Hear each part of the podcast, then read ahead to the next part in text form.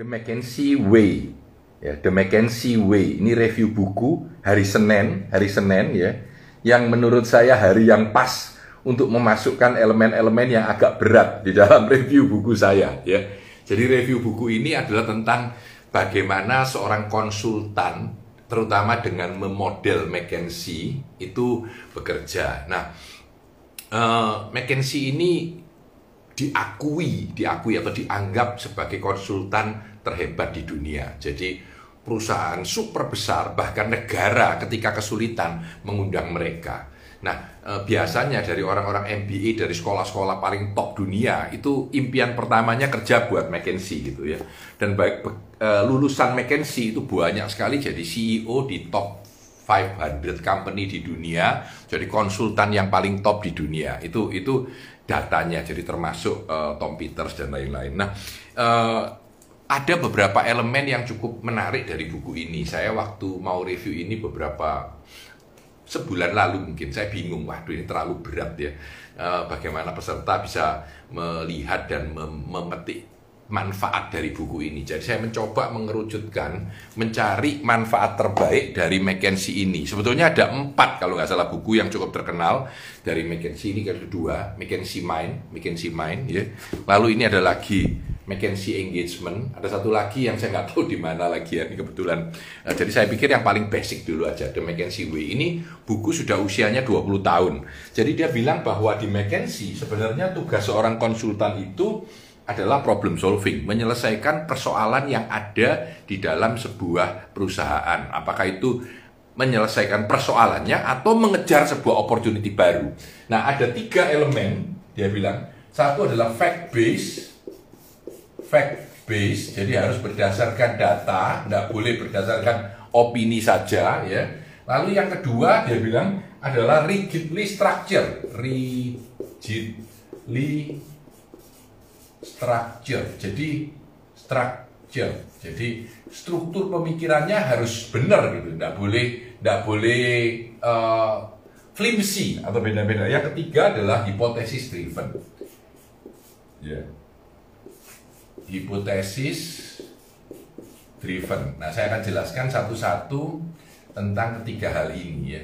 Secara umum, inilah cara melakukan problem solving di dalam sebuah company besar, seperti eh, perusahaan yang super besar ataupun negara yang mengalami persoalan. Jadi, kalau McKinsey ini diundang, mereka akan mulai mendata ya, yang disebut fact base, yaitu bagaimana kita berdasarkan data dan interview yang benar dengan orang kunci. Jadi ketika kami melakukan consulting beberapa saat lalu, kami membaca kembali buku ini untuk melihat dan mengingatkan kita akan eh, hal-hal uh, yang penting. Bahkan bagaimana menciptakan sebuah interview, menginterview orang-orang kunci ya. Ini be prepare, uh, be prepare, write an interview guide. Jadi sebelum menginterview orang itu kita harus tahu dulu ya apa sebenarnya yang menjadi persoalan. Lalu kita harus tahu apa yang ditanyakan dan pertanyaan mana yang bermanfaat untuk memahami lebih banyak perusahaan itu. Nah, ini interview driven ya.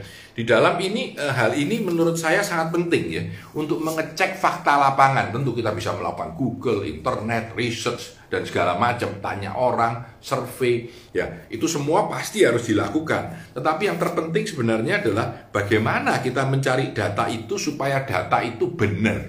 Nah, yang kedua, dia bilang rigidly structured. Nah, McKinsey mengenalkan satu hal yang namanya MECE. Ini paling terkenal banget ya di dalam dunia. Uh, ini namanya MECE, M E C E ya. Ini singkatan dari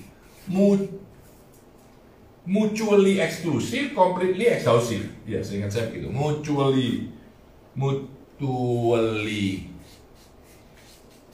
exclusive dan complete complete completely oh sorry. Collectively exhaustive.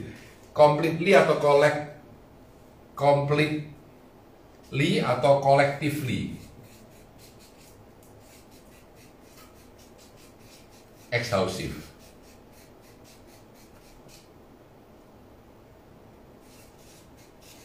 Nah ini maksud maksudnya apa? Tapi saya suka banget. Jadi salah satu yang saya sukai dari buku ini adalah pelajaran tentang Mese, tentang Mese. Mese itu dia bilang gini, semua persoalan di dalam sebuah sebuah hal itu harus distruktur apa saja itu dalam bentuk yang Mese.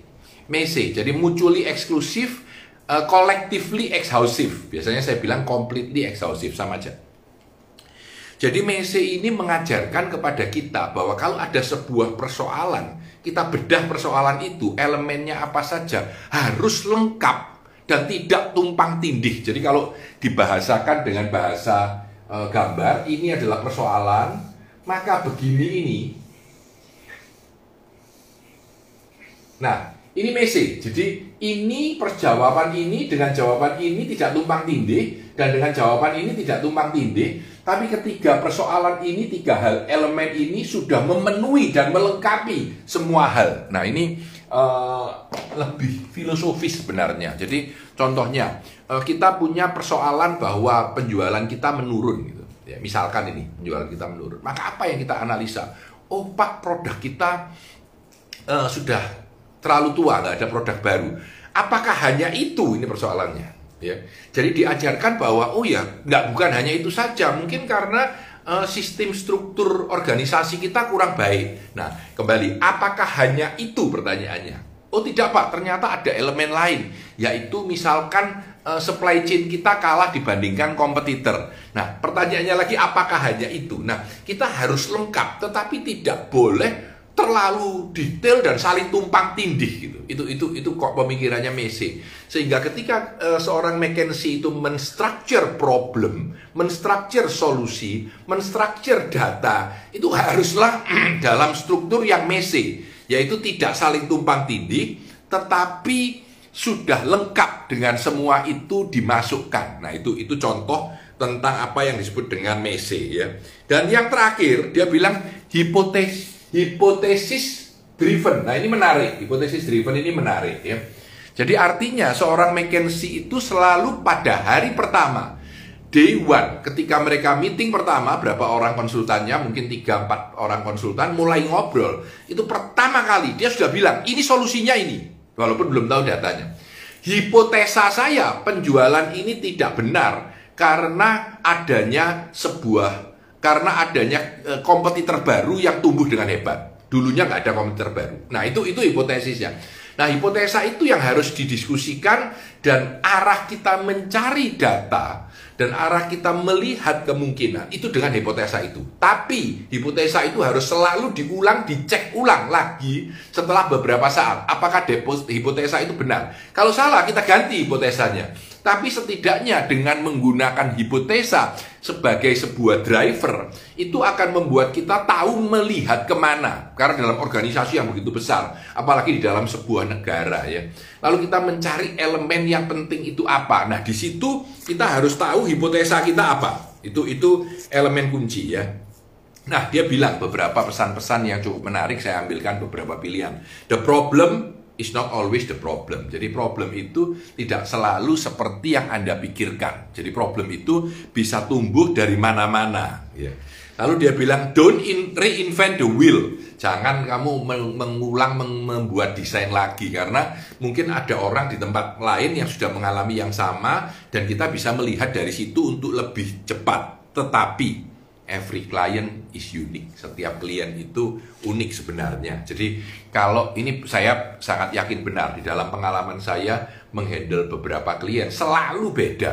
Kebutuhannya beda, situasinya beda, keadaannya beda, daya terima dari masing-masing orang di organisasi itu juga beda. Jadi kita harus bisa punya kecerdasan emosional dan kecerdasan intelektual untuk mencarikan solusi buat klien. Ya.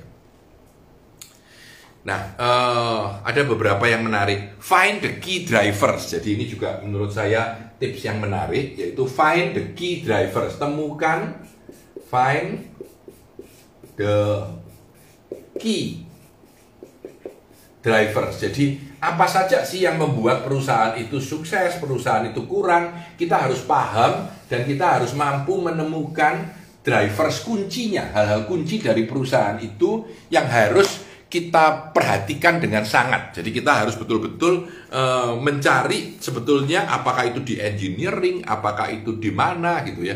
Dan itu harus kita temukan apa. Ada yang menarik lagi ya.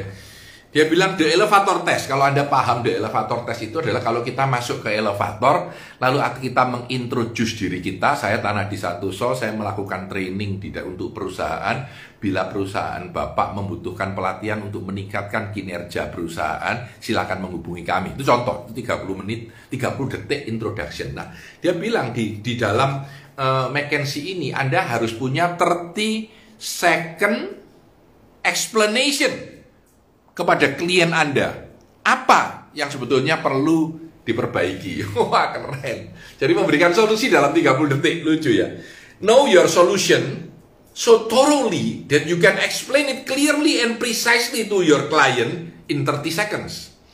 If you can do that, then you understand what you are doing well enough to sell the solution. Jadi kalau Anda tahu ini solusinya begini, Anda bisa menjual solusi itu kepada klien. Maksudnya menjual itu membuat klien itu yakin mau memerintahkan anak buahnya, mengalokasikan sumber dayanya untuk menyelesaikan persoalan itu. Jadi itu yang disebut dengan sales solution. Jadi di dalam McKinsey engagement itu tentu tidak sesederhana kita bicara dalam 10 menit ya.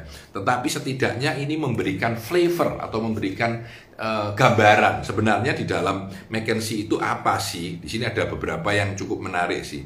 Dia ada bilang apa saja yang Anda pelajari jadi uh, konsultan ini Etan ini dia menginterview bekas orang-orang McKinsey dan tanya kepada mereka apa pelajaran terbaik yang kamu terima setelah 10 tahun di McKinsey setelah berapa lama di McKinsey beberapa yang menarik menurut saya. Saya saya petik beberapa lalu saya saya share dengan anda ya. Uh,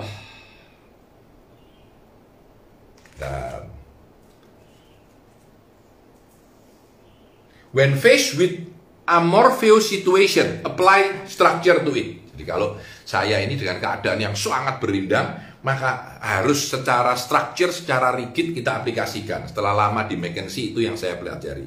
Yeah. I would rather be surrounded by smart people than have a huge budget. Smart people will get you there faster. Dia bilang lebih baik saya kerja bareng dengan orang-orang pinter daripada saya dengan uh, budget yang besar karena dengan orang-orang pinter kita lebih cepat menyelesaikan uh, persoalannya. Jadi ini ini ada yang nulis macam-macam. Nah, ini ya, ini yang saya ceritakan tadi. Structure, structure, structure. Mese, mese, mese. Hipotesis driven, hipotesis driven, hipotesis driven ya. Ini associate dari San Francisco office pernah bilang begitu. Ya tiga itu yang penting dia bilang. Lainnya sudah ikut aja. Lucu.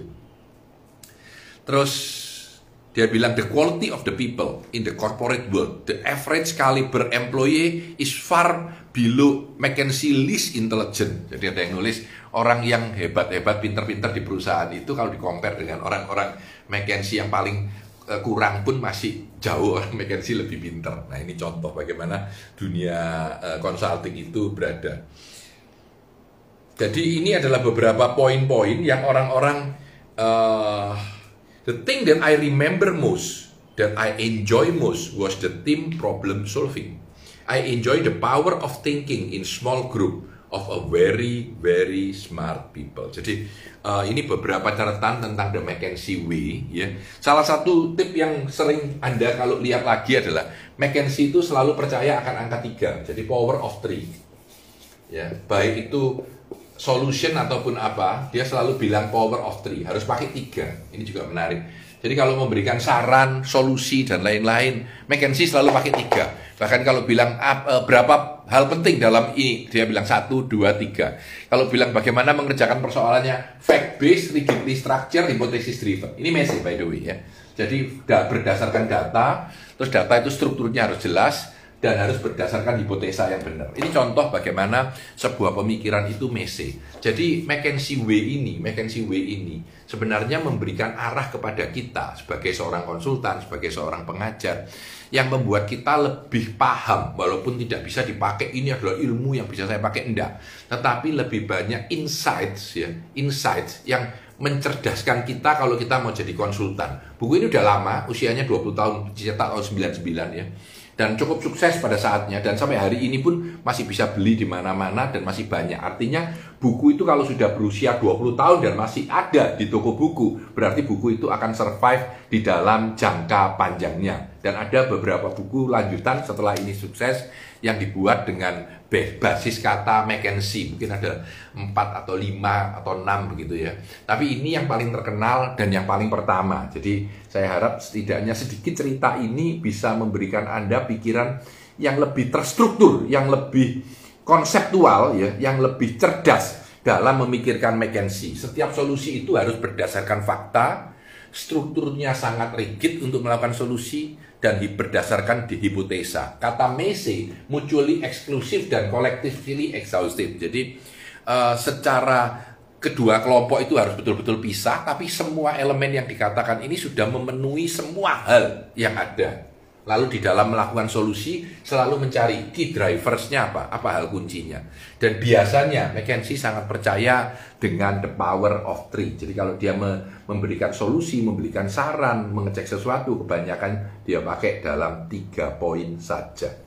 Saya Tanah di Santoso, semoga pada hari Senin ini eh, review buku yang agak berat ini bisa mensimulasi pemikiran Anda untuk mau bekerja cerdas dan bekerja keras pada minggu ini. Saya Tanah di Santoso, sukses selalu untuk Anda.